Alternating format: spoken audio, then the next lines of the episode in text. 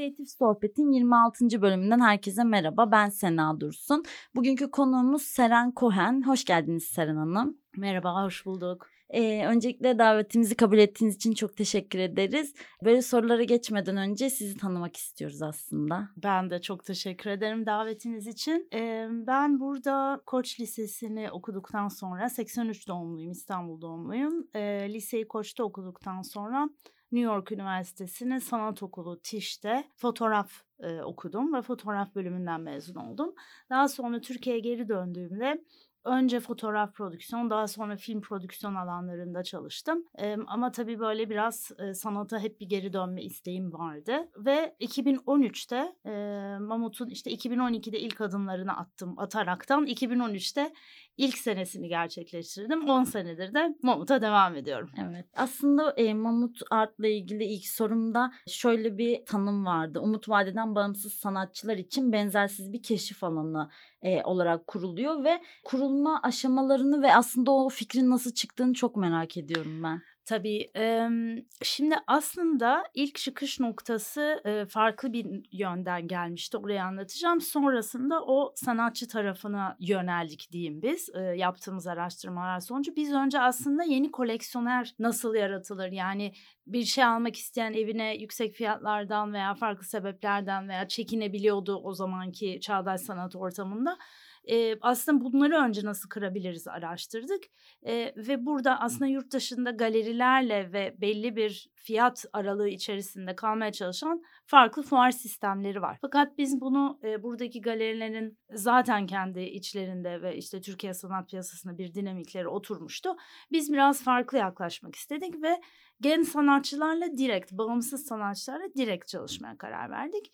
O noktada da tabii bir anda odamız evet tabii ki yeni koleksiyonerler ve iş almak isteyenler oldu ama sanatçılarla direkt çalışmaya başlayınca bir anda e, odak noktamızın ağırlığı sanatçılara kaydı. Ve sanatçılara da e, şöyle düşündük kendini e, tanıtamayan çünkü sanatçı sayısıyla galeri sayısını diyelim galeriyi ele alalım.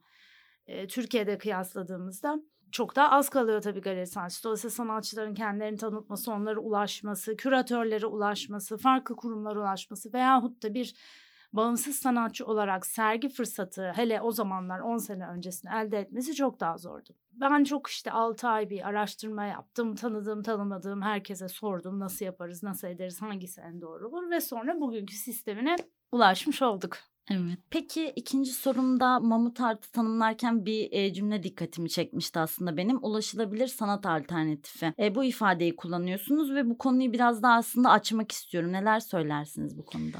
Tabii şimdi burada ulaşılabilir iki yönden anlaşılabiliyor. Bir maddi yönden anlaşılabiliyor tabii ki. Çünkü biz kariyerinin daha çok başındaki sanatçılara yer verdiğimiz için e, buna istinaden fiyatları şu anda işte e, piyasada bulunan eserlere göre daha uygun oluyor. Ayrıca galerilerin yaklaşık %40 %50 aldığı komisyona karşı Mamut Art Project e, %35 komisyon aldığı için bizim toplam fiyatlarımıza bakıldığında daha ulaşılabilir o. Ama asıl bizim için oradaki ulaşılabilir kelimesi hem sanatçılar hem de ziyaretçiler için ben hani sadece koleksiyoner olarak görmeyelim tüm ziyaretçiler için daha samimi bir ortam diyelim. Daha soru sormaya çekinmeyecekleri, kendilerini daha rahat hissedebilecekleri e, o açıdan da kendimizi daha ulaşılabilir görüyoruz. Hani biz bir e-maille bile hani gelen her soruya cevap vermeye çalışan bir ekibiz. E, dolayısıyla o anlamada geliyor bizim için. Evet aslında hani podcast davetimizde de ben onu fark etmiştim. Gerçekten böyle çok istekli ve e, çok samimi yanıt veriliyor.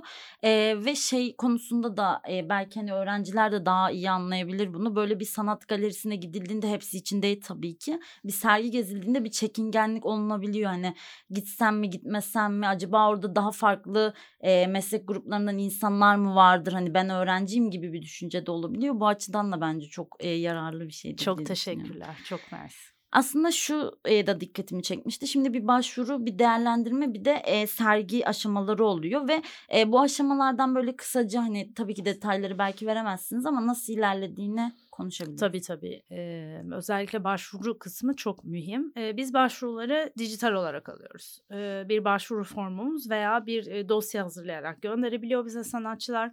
Yaklaşık 2-2,5 ay en fazla başvurularımızı açık tutuyoruz. E, bu süreçte de 1500'e yakın başvuru alıyoruz. Son birkaç senedir bu böyle devam ediyor.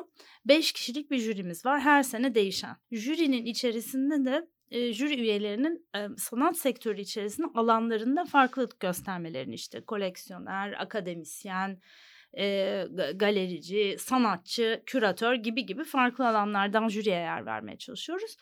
Ve bu 1500 kişiden artık en fazla 50 diyebilirim kişi seçiyor. Yani bizim %3 kabul oranımız var. O yüzden onu bence bastırarak söylemek çok önemli. Tabii ki de kabul olamayan sanatçıların rakamı çok yüksek olduğu için hani çok kırılgan da olabiliyor tabii sanatçılar haklı olarak veya demotive olabiliyorlar. Sakın olmasınlar. Çünkü ve hakikaten çok az bir kabul oranımız. Hani gelen başvurunun %97'si kabul edilmiyor. Ee, seçildikten sonra sanatçılar o en yoğun dönemimize giriyoruz. Bütün sanatçılarla birebir tanışıyoruz. Her sanatçı bir projeyle katılıyor bize. Tek eserle katılmadığı için o projeyi en iyi nasıl sergileyebiliriz? Bir sanatçı bazında meselemiz var orada. Bir de 50 sanatçı bir arada nasıl en iyi şekilde sergileyebiliriz? Orada işte mimarlarımız ki her ikisi de Zeynep Tümertekin ve Ceren Özşahin eski mamut sanatçıları aynı zamanda. Onlarla çok sıkı bir çalışma içine giriyoruz son e, senelerdir birlikte çalışıyoruz. Bütün sanatçıları yerleştirmek, e, en iyi şekilde sergilemek, işte çerçeve seçiminden tutun e, yardım edebileceğimiz herhangi bir konuda destek sağlamak gibi e, hazırlık sürecine giriyoruz ve sonrasında 5 veya 10 gün pandemide biraz değişti süreler. 5 veya 10 gün süresince eserlerini hep beraber sergiliyoruz. Aslında bayağı öğrenilecek de çok şey oluyor sanatçılar için de okul gibi de bir yandan ilerliyor yani. Tabii biz öyle olmasını istiyoruz birkaç açıdan. Birincisi çok profesyonel bir ortamda sergileme sağlıyoruz. Ekiplerimiz çok profesyonel, her şeyin en iyisini en iyi şekilde yapmaya çalışıyoruz ve onlar için bence gerçekten hem bir yandan bir karma sergide yer almak ama bir yandan da tek başlarına o proje kendi standlarıyla ilgilendikleri için bir projeyi tamamlamak gibi de görüyorum. Ben ki o süreç çok aslında zor bir süreç. Orada belirli kararları almak. Yani nasıl sergileyeceğini bile. Mesela bir fotoğrafçının seçeceği baskı malzemesi bile her şeyi değiştirebiliyor. E, orada bence onu tecrübe ediyorlar. O çok önemli. E, bir de biz tabii mümkün olduğunca fiyat politikaları, işte bundan sonra kariyerlerine nasıl devam etmeleri gerektiği, bir sanatçı olarak nerede durmaları yani asıl hani kendilerine ve üretimlerine odaklanmaları gerektiği gibi konularda yönlendirmeye çalışıyoruz. Evet. E, değerlendirme aşamasına geçmek istiyorum aslında. Burada siz de bahsettiniz biraz. E, jüri üyelerinin aslında farklı alanlarda e, uzman olduğu ya da farklı alanlardan seçtiğiniz. E, bunun aslında değerlendirme sürecine etkisini de merak ediyorum. Çünkü kolektif bir ortam oluşuyor aslında değerlendirme aşamasında. Tabii şöyle yapıyoruz. Şimdi ilk olarak bir ön eleme yapıyoruz artık son bir iki senedir. Çünkü çok fazla dosya olduğu için jürimizin hepsine e, bakma vakti de çok daraldı ve de çok mühim isimlerle çalışıyoruz. Ee, sonra her jüriyle birebir önce görüşüyoruz. Bir puanlama sisteminde dosyalara bakıldıktan sonra en sona 80 ila 100 dosya arasında bir seçki kalıyor. Sonrasında tüm jüri bir araya geliyor. İşte oradaki paylaşım her şeyi değiştiriyor. Yani sizin ilk 50'de puanı yüksek görebildiğiniz biri bir anda orada e, olan sohbet ve jürinin kendilerini birbirine anlatmasıyla çok değişebiliyor. Orada da tabii mümkün olduğunca farklı bakış açıları almaya çalışıyoruz. Çünkü biz şunu söylemek istiyoruz. Biz herkesin beğeneceği yani 5 kişi de baktı 5 kişi de çok beğendi haydi o zaman bu sanatçı alalımdan öte bizim hele de çalıştığımız çok mühim isimlerin birinin bile o sanatçıda bir şey görmesi bizim için inanılmaz bir şey ifade ediyor. Ve o aynı zamanda o jüri için veya bir kişi için bile ekstra bir şey ifade edecekse biz o sanatçı mutlaka orada olsun istiyoruz. Bu bizim için çok önemli olduğu için her jüriyi aslında kendi puanlamalarına göre dinlemek çok önemli oluyor. Evet. E, bağımsız sanatçılara aslında onlarla çalışırken e, o süreçlerinde deneyimleme fırsatı da gözlemleme fırsatı özellikle buluyorsunuz ve bu koşullarda onların yaşadığı zorluklardan ya da o geçirdikleri süreçlerden bir gözlemci olarak onlarla çalışan biri olarak ne düşünüyorsunuz? Nasıl bir süreç sizce bu? Bence bu zor bir süreç. Evet. Çünkü bir yandan sanatçı kendi meselesine ve neyi anlatmak istemesine odaklanması gerekiyorken bir yandan da tabii yaşamını sürdürmesi gerekiyor ve sanatla sürdürmek istiyor. E, Birçok sanatçı bunu yapamadığı noktada başka bir işte çalışıyor ve o da zaten hani onların üretim sürecini bence çok etkiliyor. E, gönül isterdi ki çok daha fazla fırsat olsun sanatçılar. Eğitim konusunda tabii ister istemez bazı eksikler görüyoruz çağdaş sanat alanında özellikle. Hep düşünüyoruz ne yapılabileceğini ama biz de bir yere kadar tabii orada olabiliyoruz bir yandan bazı sanatçıların yönlendirilmelerinde de yanlışlık olduğunu veya yeterince araştırma yapmadan yeterince çünkü şu an o kadar bilgiye ulaşabiliyoruz ki yani bir telefondan bile ulaşabildiğimiz bilgi havuzu çok büyük. Dolayısıyla artık hani onu bilmiyordum veya ona yeterince bakmamıştım veya o projeyle ilgili bir soruya cevap verememek şu an sanat dünyasında kabul edilebilir bir şey değil. Dolayısıyla sanatçılar için en önemli şey işledikleri konuyu araştırmak, bakmak. Ee, bir de şöyle çok büyük bir tabii 10 sene içerisinde biz şu farkı gördük. Bizim ilk başladığımızda sosyal medya bu kadar hayatımızda yoktu. Şu anda sosyal medyanın bence hem avantaj hem dezavantajları var. Avantaj olarak bir sanatçı kendini oradan da duyurabiliyor. Yani bir aracı olmadan kendini bir şekilde tanıtıp direkt alıcıya veya onun izleyicisine ulaşabiliyor. Bu çok büyük bir avantaj. E, buna istinaden koleksiyonerler de direkt sanatçılara ulaşıp atölyelerini ziyaret etme ve tanışma e, şansını da elde edebiliyor. Bence bu çok güzel. Her şekilde bir etkileşim olması çok güzel. E, ama bir yandan da çok fazla görsel malzemeye tanık kalıyorlar. Bence bu ister istemez e, onları bilinç altında bile olsa esinlendiriyor ve bazen yanlış yönlere çekebiliyor. Çünkü biri sosyal medyada çok popüler olabilir ama bu onun e, altyapısının çok iyi bir sanatçı olduğunu size aslında göstermez. E, dolayısıyla hani bir takipçi olmaktansa bir sanatçının gerçekten kendini dinleyip o konulara yönelip onun araştırmasını yapması e, çok daha önemli. Sizin yine gözlemlerinize dayanarak şunu sormak istiyorum. Türkiye'de güncel sanat nerede ve buna bağlantılı bir sorum daha var aslında. Bağımsız sanatçıların bu güncel sanatta konumu hakkında neler söylemek istersiniz? Önce ikinci sorudan başlayayım.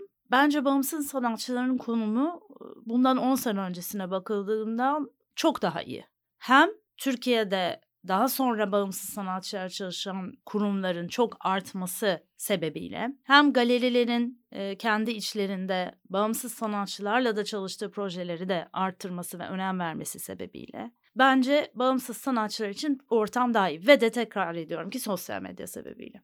Ee, ve artık sanatçılar bence son birkaç senede kendi aralarında da birbirlerini destekleyerek mekanların veya e, farklı markaların onla, onlara sağladığı fırsatlarla da e, bağımsız sanatçılar için çok daha fazla fırsat var şu anda eskiden olduğunda.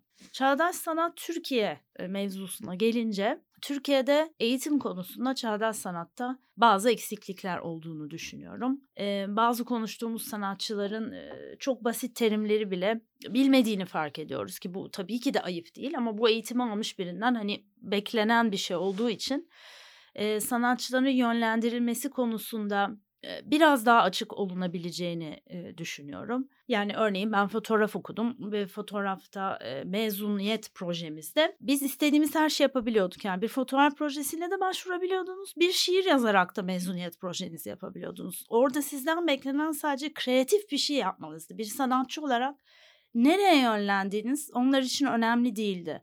Ya bu beni çok etkilemişti ki işte 20 sene mi oldu bilmiyorum ben mezun olan hani Dolayısıyla bu özgürlüğü buradaki eğitim alanında daha görebildiğimizi birkaç yer hariç diyeyim daha görebildiğimizi düşünmüyorum. İkincisi Türkiye'deki sanatçılara yurt dışından olan ilginin az olduğunu düşünüyorum, yeteri kadar olmadığını düşünüyorum. Bu da Türkiye'yi bir kısır döngü içerisine dön- dönüştürüyor. Çünkü zaten çağdaş sanatla ilgilenen küme belli bir e, sayısı yani evet gençler arasında gittikçe artıyor ama diyelim işte o artışta belli bir zaman alıyor. E, bu küme zaten az. O kümenin içinde aynı insanlar, aynı sanatçılar, aynı sanat dünyasındaki isimler hep birbiri içerisine dönmek zorunda kalıyor yurt dışından bir o ilgi olmadığı zaman. İşte bu da burayı bir kısır döngü haline getiriyor. Dolayısıyla e, aslında yurt dışından talep olsa çok daha büyük bir potansiyelle ve çok daha hızlı bir yükselişle ilerlenebileceğini düşünüyorum. Evet. E, benim sorularım bu kadardı. Ha, bitti Eee mi? Çok hızlı konuşuyorum ben Evet. çünkü alıştım. Ama yok çok bence, eee, güzel geçti. Böyle ben çok uzun süredir, eee, merak ediyordum Mahmut Art'ı. Çok da böyle severek de takip ediyordum Çok ve özellikle bağımsız sanatçıların desteklendiği böyle bir ya tabii ki başka da vardır belki benim bilmediğim ama hani böyle bir bir değer yargısının olması çok, eee, mutlu etmişti beni. Böyle çok da teşekkür ediyoruz o yüzden. Ben çok teşekkür ederim. Eee, çok memnun oldum. Ne zaman isterseniz, eee, buradayım. Teşekkür ederiz. Eee, bugünkü, eee, bölümümüzün de sonuna geldik. Bizi dinlediğiniz için teşekkür ederiz.